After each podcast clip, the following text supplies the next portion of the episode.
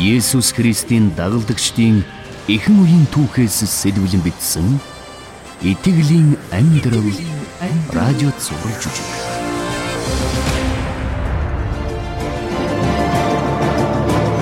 Хорин нэгдүгээр анги. Тэднийг Христэд итгэгчид гэж нэрлсэн.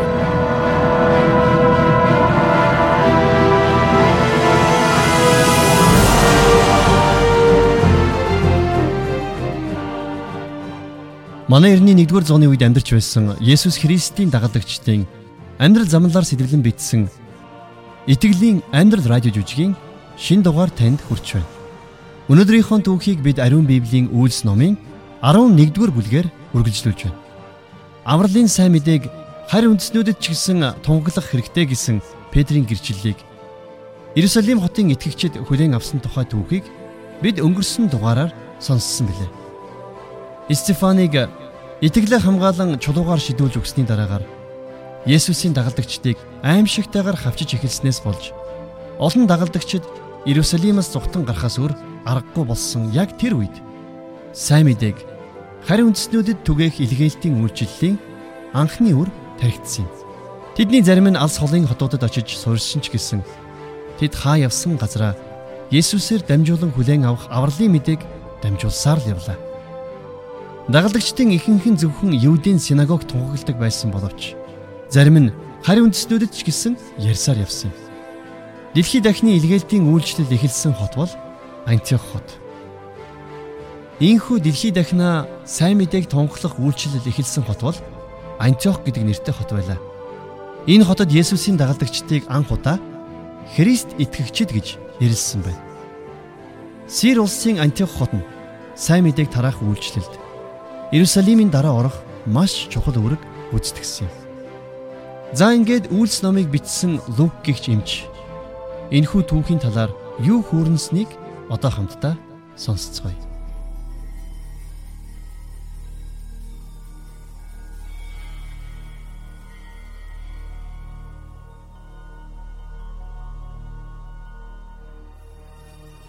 За тэгэхээр Лук миний бие анхны Христч чуулганы үед Есүс Христийн сайн мэдээ хэрхэн түгэн тархаж байсан тухай сэтгэл догдлом түүхийг үргэлжлүүлэн хуваалцахдаа тун их баяртай байна.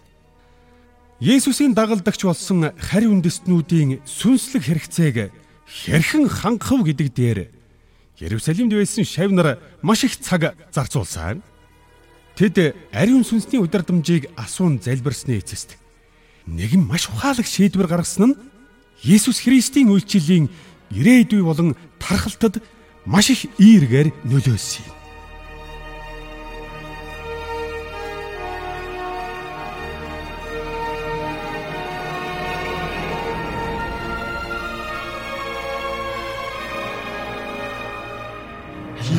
Сайн уу? Сайн сайн.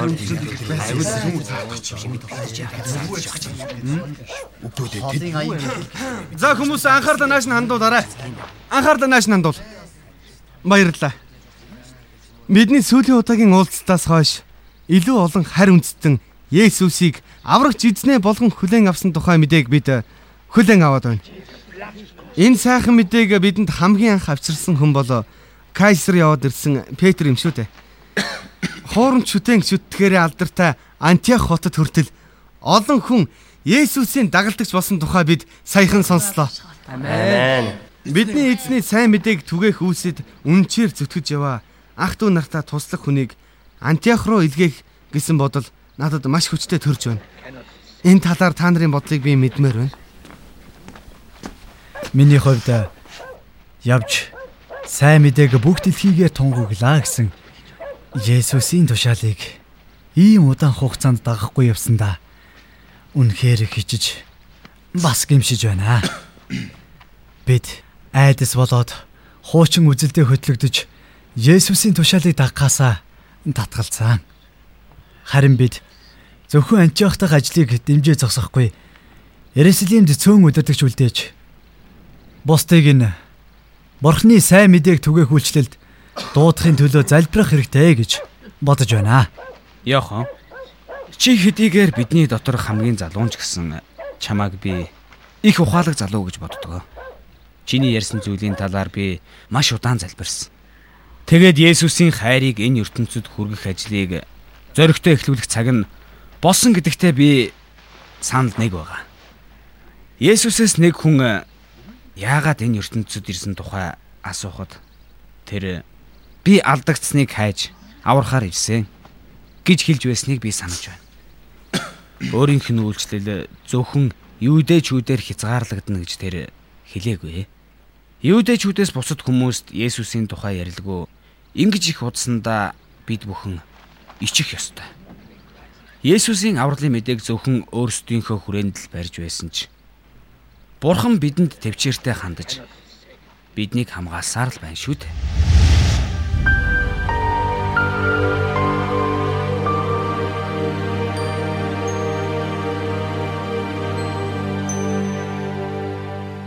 харь үндэстнүүдтэй нөхөрлөх болсонд дургуйцэж бухимдсан хүмүүс Ярусалим дахь Иудэ дагалдагчдын дунд их байлаа.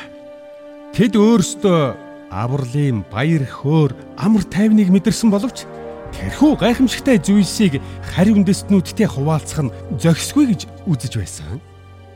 Тэгээд ч бодолгүй энэ хандлага нь тэдний өөрсдийнх нь амьдралд сөргөөр нөлөөлж эхэлсэн юм. Тэдний баяр хөөр амар тайван нь хуулийн боолчлол тусгаарлагдмал байдлаар солигдох болсон. Харин сайн мэдээг бусадтай нээлттэй хуваалцаж байгаа хүмүүс Бурхны хайрыг илүү ихээр мэдэрч Бурханд бүх зүрх сэтгэлээрээ үйлчилж байгаадаа баяр хөөрөөр дүүрэн байсан. Харин эхний цуглаанаас хойш нэг их удалгүй Яаков Антиох руу илгээгдэх гэж байгаа хүмүүсийн удирдагчийг сонгох санхүүгийн дэмжлэг босгох зорилгоор шав нарыг дахин цуглуулжээ.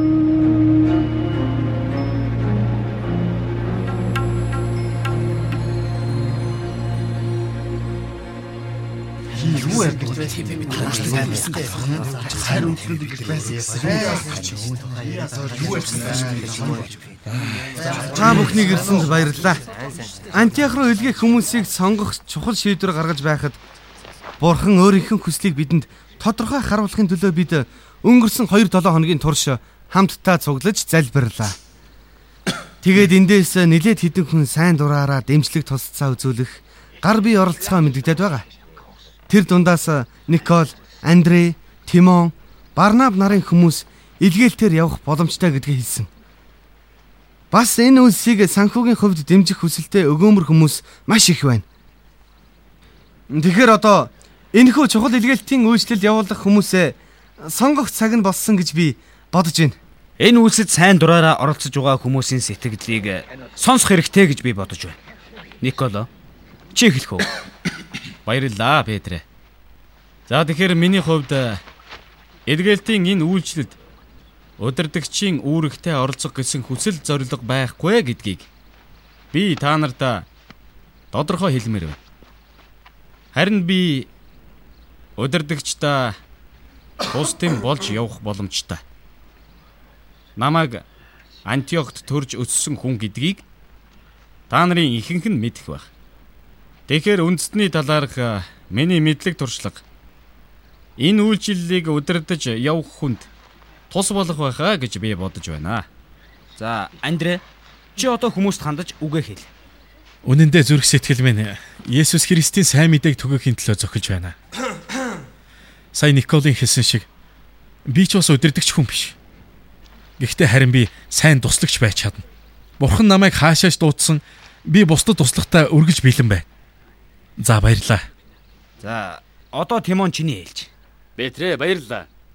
Христ дотор хахан дүүсээ. Бурхны мотор над дээр байгаа учраас би үйлчлэхэд ямагт бэлэн байна.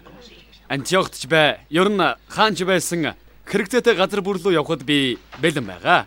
Барнаба. Одоо чи ярих уу? За баярлаа.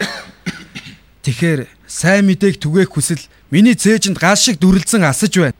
Сүүлийн 2 жилийн турш Бурхны сүнс намайг тэрний үгийг тунхаглахад бэлтгэсэн.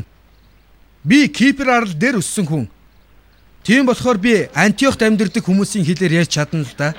Хэрвээ эзэн та бүхний зүрх сэтгэл намайг энэ үйлчлэлд илгээгдэх ёстой хүмүүсийн нэгэ гэж сануулвал би тэрхүү дуудлагад бэлэн байна.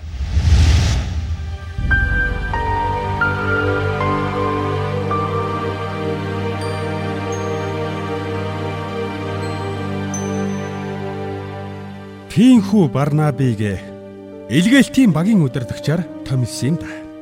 Никол Тимон хоёр ч тэрний удирдлага дор явахыг зөвшөөрч билээ. А тэгээд тэд тун удалгүй Ерүсалимаас гарч Кайсар хүрээд тэндээс усан онгоцонд суугаад хойд зүгт Селюк руу явжээ. Энэ нь Тимоны хувьд усан онгоцоор явсан анхных нь аялал байлаа. За сайхан амарсан уу Барнаба? Өглөө нэмэнд. Гэхдээ чи Тимоныг харав? Цаатах чинь далаад гарснаас хойш 2 өдөр унтаж чадаагүй. Тэгээ харин өнөө өглөө харсан чинь бүх гихч нь аргагүй унтаж байлаа. Үгүй чаавас ядраа байлгүй дээ. Зайлвал анх удаа усан онгоцоор явж байгаа болохоор онгоцны савлгаанд гидсэн нэг үрхэ байлгүй. Үгүй залуу зөрөгтэй ирэх хүн болохоор удахгүй далайн химнэл дасаад дажгүй болох байлгүй дээ. Тих бахаад. Бүшгөө. Ингээд энэ усан онгоцны ахмад эхлээд Кипр ороод тэндээс Селюк руу явна гэсэн. Тэгэхээр ашгүй надад замаараа гэр бүлийнхэнтэйгээ уулзах боломж гарах нь. Өө тийм үү. Гэхдээ тэгээд тэдэнтэйгээ уулзалгүй хэр удсан юм бэ? За үз. Аав маань бараг 4 жилийн өмнө Иерусалимд надтай ирсэн гэхээр чинь би чинь гэрийнхэнтэйгээ уулзалгүй 14 жил болсон юм байна. Тэд маань намайг хараад гайхах байх та. Тэгэлгүй дээ. За хараад. Өө тэр хин ирж яваа хараач. Тимо ирж яваа. Өө Тимо. Өглөөний минь зөрөх далаач минь. Өглөөний минь. Яах. Барнаб, Никол. Өглөөний минь. За сайхан амарч чадв уу? Энэ онгоцны ахмад жаахан аятайхан явчиж болдоггүй юм байх та.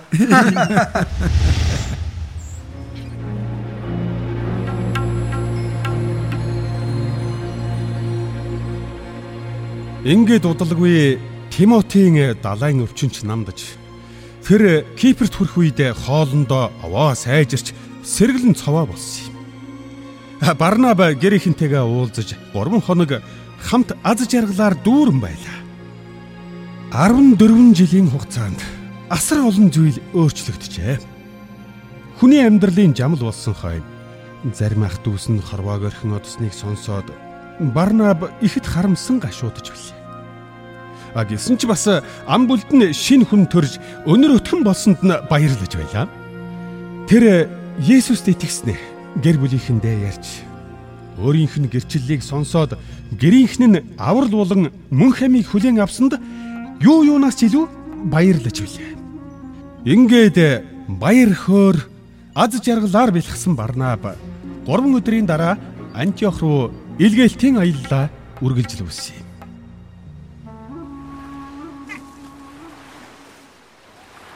Никол чи бидэнд Антиохын тухай ярьж өгөөч. Биднийг тэнд ер нь юу хүлээж байгаа бол? Би сайн мэдэхгүй байна л да. Гэхдээ Антиох бол Ромын эзэнт гүрний 3 дахь том хот. Мэдээж хамгийн том хот нь Ром. Тэгээд Александр. 3 дахь нь Антиох. Аа. Антиох бол нөгөө хоёроос их ялгаатай. Хамгийн үзэсгэлэнтэй. Тэнтгийн усан сан үнэхээр тансаг. Бас музей, номын сан олонтой. Аа. Чулуу өнгөлж зүсэж барьсан олон сайхан барилгат. Уран баримл олонтой. Худалдааны замын бэлчээр дээр байдаг болохоор Ромын бусад хотуудыг бодвол засаг захиргаа нь илүү уян хатан байдаг юм л да. Сайхан хэрэг. Гүй тэгвэл бид сайн мэдээг чөлөөтэй тунхаглах боломжтой гэсэн үг үү? Аа? Тийм ээ, чөлөөтэй. Гэхдээ гэхдээ нэг зүйлийг анхаарах хэрэгтэй. Асар их хэд баялаг Эрдэн боловсролын хажуугаар тентхийн оршин суугчдын дийлэнх нь зүсэн бүрийн гим нүглийг ил цагаан үлддэг. Тэгээд мухар сүсэг ичхэд шүтэн шүтэх явдал антиохт бүр газар авсан. Ай. Гэхдээ харин миний авсан мэдээгээр бол Антиохын олон орсон суугчид тэр муу зүйлсээсээ эргэж илүү сэтгэл хангалуун амьдралыг эрен хайж Есүст итгэлээ өгч байгаа юм шиг байсан. Антиох шиг тийм том хотоос тэр итгэгчдийг яаж олох гэж байна да? Тэгвэл бүгдээрээ синагогт нь очие. Мэдээж бас бидний хөтлөн дагуулахын төлөө ариун сүнснээсээ асууж залбирая. Тэр бидний хизэж орхихгүй шүү дээ. Тэр ч тийм ээ л дээ.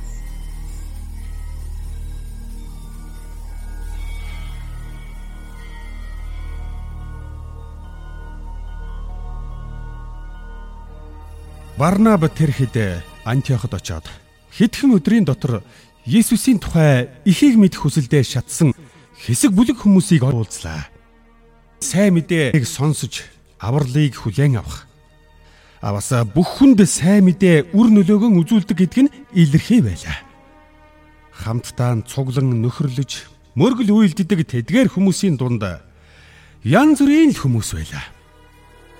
Тэдний дунд Ромын хуулийн багш, албан хаагч, гар урлаач, банкны эзэн, усан зогсоолын ажилтан, морин тэрэгчин тэрч байтугай биеэн үнэлдэг байсан эмгтээчүүд хүртэл байлаа. Бас гэр бүлийн баяр хөөргийг амсаж байгаа эмгтээчүүд хүүхдүүд ч олон байлаа. Есүсийг хүлээж авахаас өмнө тэдний зарим нь хизээч бие биенээ хүлээн зөвшөөрөхөөргүй хүмүүс байжээ. За сайн уу Барнаба? Өө, сайн уу? Никол, Тимон. Бурхны хайр ямар их агуу, ямар уудан болохыг би өдрөөс өдөрт улам бүр илүү их ойлгож явах шиг байна. Тийм ээ. Есүст итгэх итгэл хүний амьдрал хандлагыг өдрөөс өдөрт яаж өөрчилж байгааг өөрийнхөө нүдээр хараагүй болч Антиохт болж байгаа зүйлсэд итгэхэд хэцүү байх байлаа шүү. Үш. Өнөөдөр би амьдралдаа үзээгүй гоё байшинд очлоо. За. Ямар байшинд? Тэгээд тэнд харж байсан гайхамшгуудаас хамгийн агууг нь үзлээ. Ромын нэгэн баян худалдаачин боолынхон хөлдөн сөгдөөд өөрт нь хатуу ширүүн хандаж байсныхаа төлөө уучлал гуйгаад тэгээд бүр эрх чөлөө олгож байсан гэ боддоо. Тэгснэ эзэн боол хоёр Христ доторх ахан дүүсийн ёсоор тэрвэрлдэж уучлалаар дүүрэн байгааг би харлаа. Тэгээд зарцынхын нэрийг Симон гэж байна уу? Гү нэрэ тэгж байсан шүү. Чи тэрнийг таньдаг юм уу? Тийм ээ, тийм танилгүй яах. Аа, Би тэрнтэй хэдэн өдрийн өмнө зах дээр танилцсан юм. Тэр үед надад эзнийхээ авралын төлөө залбирч байгаа гэж ярьж байсан юм л да. тэгвэл тэрний залбирал өнөөдөр биелээ олж ээд. Тийм байна. Өнөөдөр намайг Симоны зарцлагддаг харчт нь очиход тэр эзэнтэйгээ хамт идэлэн газартаа байгаа бүх хуурамч шүтэнүүдийг устгаж байсан шүү. Тийм гэж гэж байсан. Гайхалтай. Тэгээд дотгошоо ороод өнөх Ром эзэнтэй танилцлаа. Тэр ч бас Есүс Христэд итгэж түүнд амьдралаа зориулснаар ямар их баяр хөөр амар тайвныг мэдэрч байгаагаа бүр илэрхийлэх үгэ олж ядаж байсан. Үнэхээр ачим шүү. Тэгээд юунаас болж Есүст итгэх болсноо надад ярьлаа. Боол нь Есүст итгэж амьдрал нь асар ихээр өөрчлөгдөж байгааг тэр анзаарсан гэсэн. Гайхалтай. Гайхамшигтай. Анхандаа Симоныг Есүст итгэсэн тухайга ярих үед нь тэр ууралж байсан юм байна лээ. Тийм гэж юу? Харин Есүсийн жинхэнэ дагалдагч хүн бусдыг хэрхэн үнэн сэтгэлээсээ хайрлаж халамжилдгийг зарцаасаа анзаарч эхэлсэн гэсэн шүү. За. Тэгээд л Есүсийн тухай ярьж өгөхийг Симоноос гуйж. Тэгтэн Симон Есүс Христийг аврагчаа болгон хүлээн авснаар жинхэнэ амар тайван баяр хөөргийг хүлээж авах боломжтой гэдгийг тэр нь тайлбарлаж өгсөн юм байна лээ. Үнэхээр гайхамшигтай. Үнэн дээр Христэд дөнгөж итгээд удаагүй байсан Ром эртээ намайг ярилцаж байхад эд баялаг, байр суурь, шашин шүтлэгтэй тэр хизээч сэтгэл хангалуун байдаггүй байсан юм байна. Тийм гэж үү? Гэхдээ тэгснэ би Христэд итгэгч болохыг хүсэж байна гэж хэлдэг юм байна. Христэд итгэгч гэд намайг асуусан чинь тийм ээ Христих болсон хүн бол Христэд итгэгч гэж тэр хэлсэн шүү. Бурхан алдарш. Үгүй ёстой сонирн байгаа үсттэй. Үнэхээр гайхамшигтай.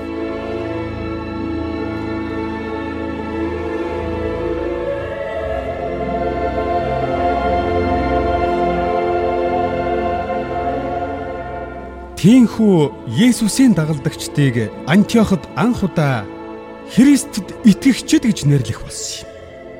Барнаб болон тэрний туслагчдын Антиоход хийсэн зүйлсийн талаарх гайхалтай мэдээ тархсан даруй Иерусалим дахь Христ итгэгчдийн дунд илгээлтийн үйлчлэлийн хараа түгэн дэлгэрчвүлээ.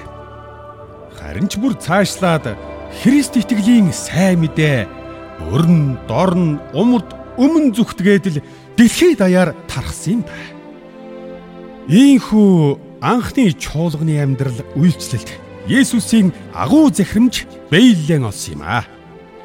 Бурхан таны амьдралд Христэд итгэгч хүн байхын үн цэн утга учирыг нээн таниулах болтугай.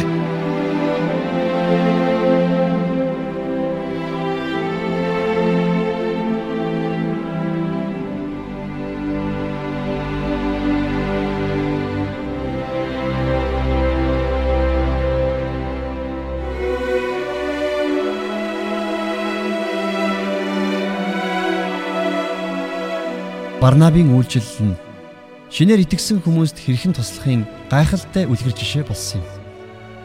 Тэрээр шинэ итгэгчдэд үйлчлэж байхдаа итгэлээр хүчтэй баяр хөөртэй байж тэдэнд ээлдэг хандан үргэлж урамшуулан зоригжуулж бас тайлгаруулдаг байсан.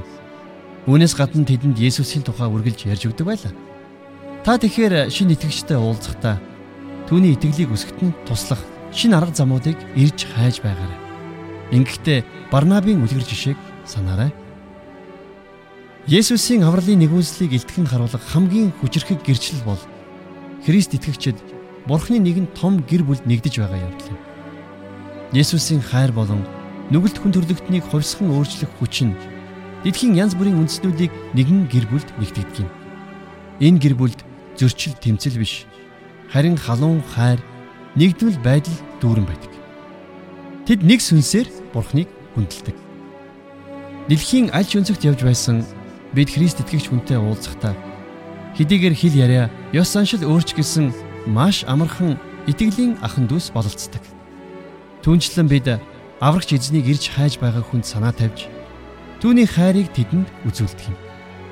Хэрвээ та аврагчийг хайж байгаа бол яг өнөөдөр түүний эрэлд гараарай хэмээн би танд уриалж байна.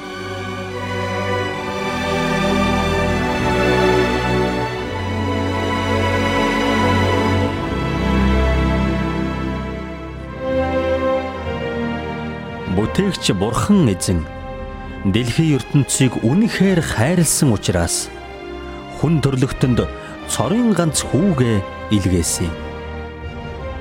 Ийм учраас хүүд нь итгэгч хэн ч мөхөхгүй харин мөн хамтай болох юм аа.